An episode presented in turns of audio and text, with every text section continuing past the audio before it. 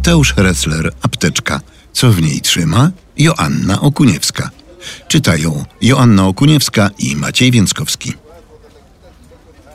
Zestaw obowiązkowy, który trzeba mieć przy sobie.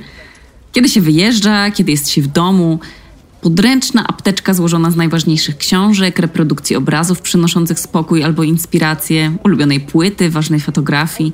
Zestaw nie musi być stały. Niektóre przedmioty z biegiem lat tracą swoją przydatność.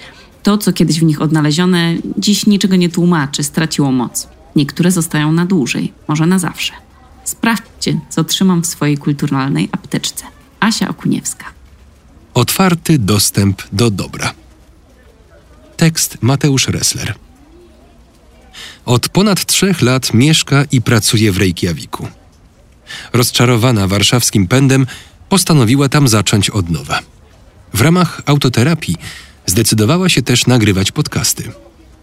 Najpierw dźwiękowy pamiętnik Tu Okuniewska, a potem poświęcony współczesnym randkom i miłosnym rozczarowaniom Ja i moje przyjaciółki idiotki.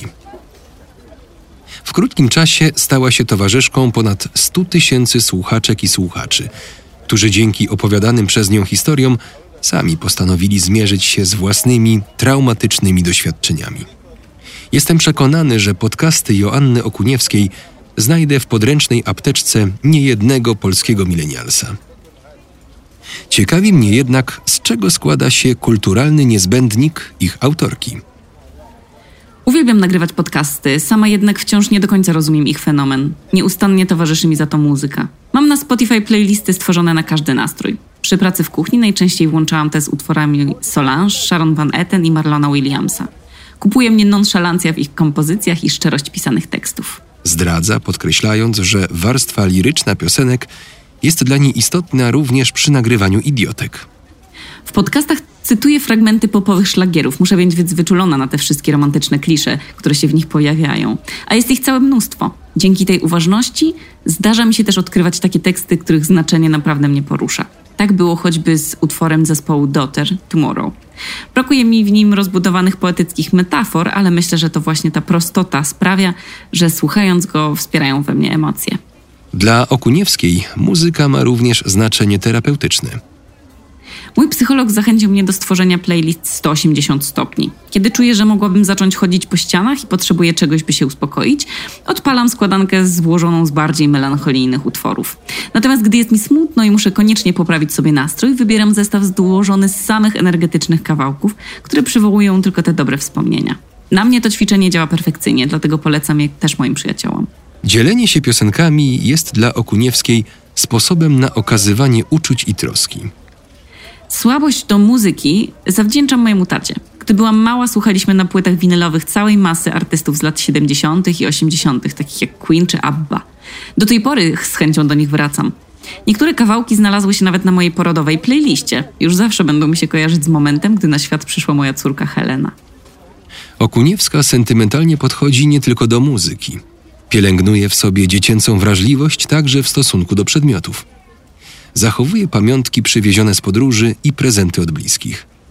W trakcie naszej wideo rozmowy pokazuje mi wykonany ręcznie ceramiczny kubek oraz rustykalną lampkę Heleny w kształcie gęsi, którą upatrzyła jakiś czas temu na jednym z islandzkich vintage marketów.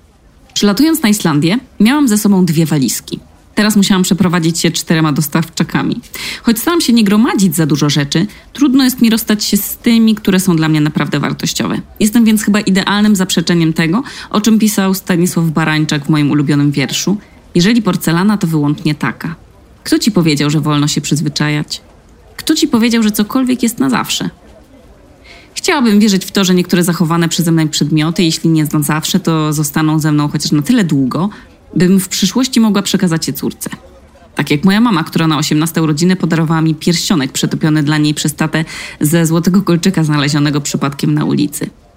Dziś, gdy Helena nie ma jeszcze roku, Okuniewska pokazuje jej tylko bajeczki z obrazkami Władimira Sutiejewa, na których sama się wychowała. Jak mówi, to właśnie tę książkę jako pierwszą uratowałaby z pożaru. Gdy byłam dzieckiem, totalnie wzruszały mnie te historyjki i choć z perspektywy czasu dostrzegam ich socrealistyczny charakter, dalej nie mogę wyzbyć się mojego sentymentu. Te bajki również urzekły mnie swoją prostotą. I oczywiście pięknymi ilustracjami.